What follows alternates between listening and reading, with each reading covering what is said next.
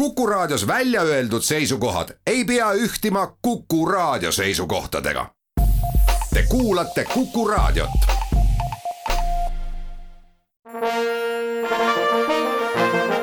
Vanemuise veerand.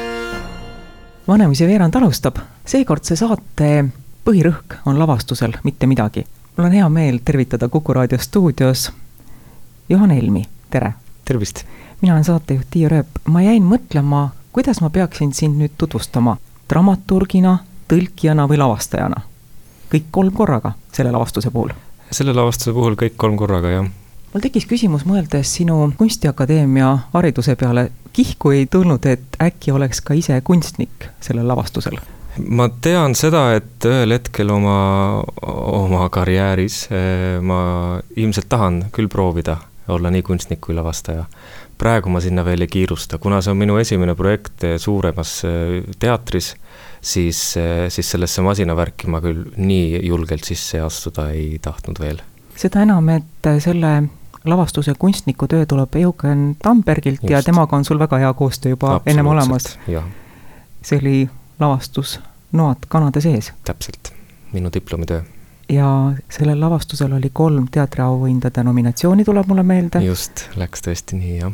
Toona sa tegid ise heli- ja valguskujunduse jaa, mm, see oli, noh, ta oli väiksem, ta oli kõvasti väiksem saal, ta oli intiimsem ähm, lugu, mida lavastada ja, ja seal valguse ja, ja helirõhk läks peamiselt äh, aja möödumise ruumide väljajoonistamise peale et, et seal ma sain sellega ise hakkama. aga nüüd, kui on rohkem osiseid, siis loodetavasti see tase muudkui tõuseb ja tõuseb.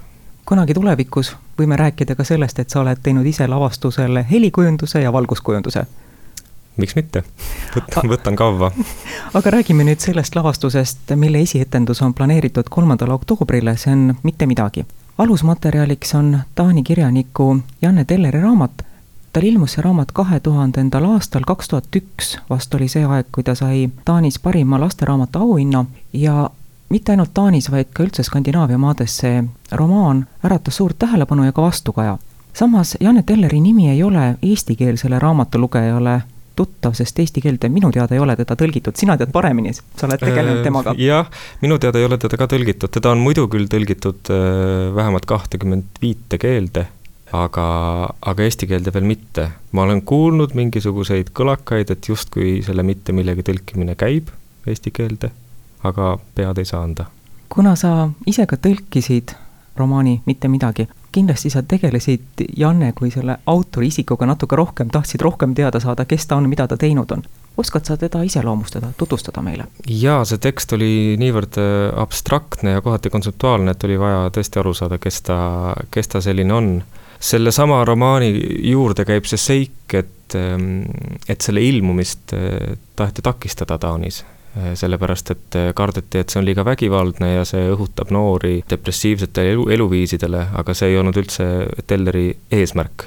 ja kui noh, kui väga pealiskaudselt seda romaani võtta, siis, siis tõesti, sealt saab seda välja lugeda, aga, aga tegelikult, kui keskenduda ja päriselt püüda sellest, sellest aru saada, siis see ei ole üldse Telleri eesmärk ja ilmselt nad said sellest aru, sest nüüd on see kohustusliku kirjanduse hulgas Taani koolides. ta on äh, vist üsna selline, kuidas ma ütlen, ühiskondlikult äh, aktiivne kirjanik, ta tegeleb kaasaegse tsivilisatsiooni lahti mõtestamisega, äh, teda huvitab Euroopa tulevik, sõjaline olukord, migratsioon, poliitiline, religioosne fanatism, sellised teemad. Ja, ja olgugi, et mitte midagi on noorteromaan, on seal väga-väga kanged teemad sees. jah, ja see on vist tema selline, no ma ei taha öelda, et leivanumber, aga see on see, millest ta hoolib ja see on see, kuidas ta tahab oma ideed väljendada, ma arvan võib-olla ma olen idealist, aga ma arvan, et kui üks inimene võtab kätte ja ühe romaani ära dramatiseerib, tõlgib teda ja hakkab seda lavastama, siis peab selle taga olema midagi enamat kui lihtsalt teatripoolne tellimus või ettepanek. siis peab selles loos olema midagi, mis ennast puudutab ja mis teeb selle materjali nii põnevaks, et äh, selline töö ette võetakse. ütlen veel kord, võib-olla ma olin idealist, aga mis see oli, mis sind kõnetas? kõige esimese asjana ma mäletan, mind kõnetas see selline teatav absurdsus või grotesk, mis seal, mis seal oli, ta ei olnud klassikalises mõttes psühholoogiline või väga lineaarse narratiiviga lugu. no ütleme, narratiiv on täiesti olemas, aga need käigud on seal nii hullumeelsed kohati, et, et see oli see, mis, mis huvitab, huvitama hakkas.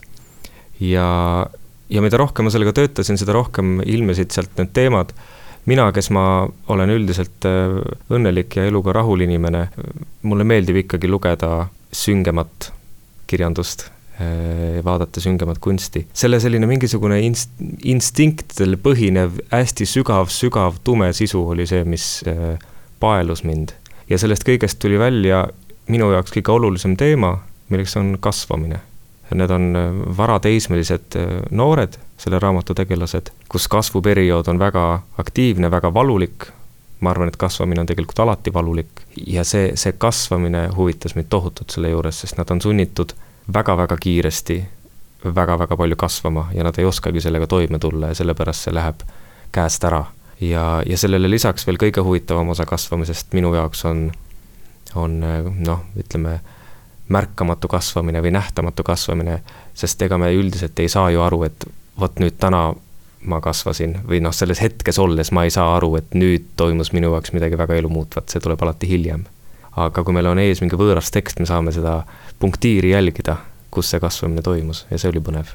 kas seetõttu on teater ka tulnud välja soovitusega, et alla neljateistaastastel teatrivaatajatel võib-olla tuleb ka veidi veel kasvada ja alles siis tulla seda lavastust vaatama? jaa, see, see tuligi sellest impulsist, et kui seda reklaamida kui, kui noorte tükki, siis me peame arvestama sellega, et, et äh, noorusel ei ole üldiselt alampiiri ja me pidime selle, selle panema lihtsalt sellepärast, et ma arvan, et kaheteistaastased ei oska veel või ei tahagi veel selliste teemadega tegeleda, mis on selles tükis. Ja, ja neil ei ole nagu otseselt sellega midagi ette võtta. Teil on mõeldud ka vestlusringid need õhtud on paika pandud viienda ja kaheteistkümnenda novembri etendused, mitte siis kohe nüüd äh, esietenduse järel. kes tulevad sinna vestlusringi vestlejate poole peale? muidugi publiku hulgast inimesed, kes soovivad, aga keda sa oled kutsunud sinna?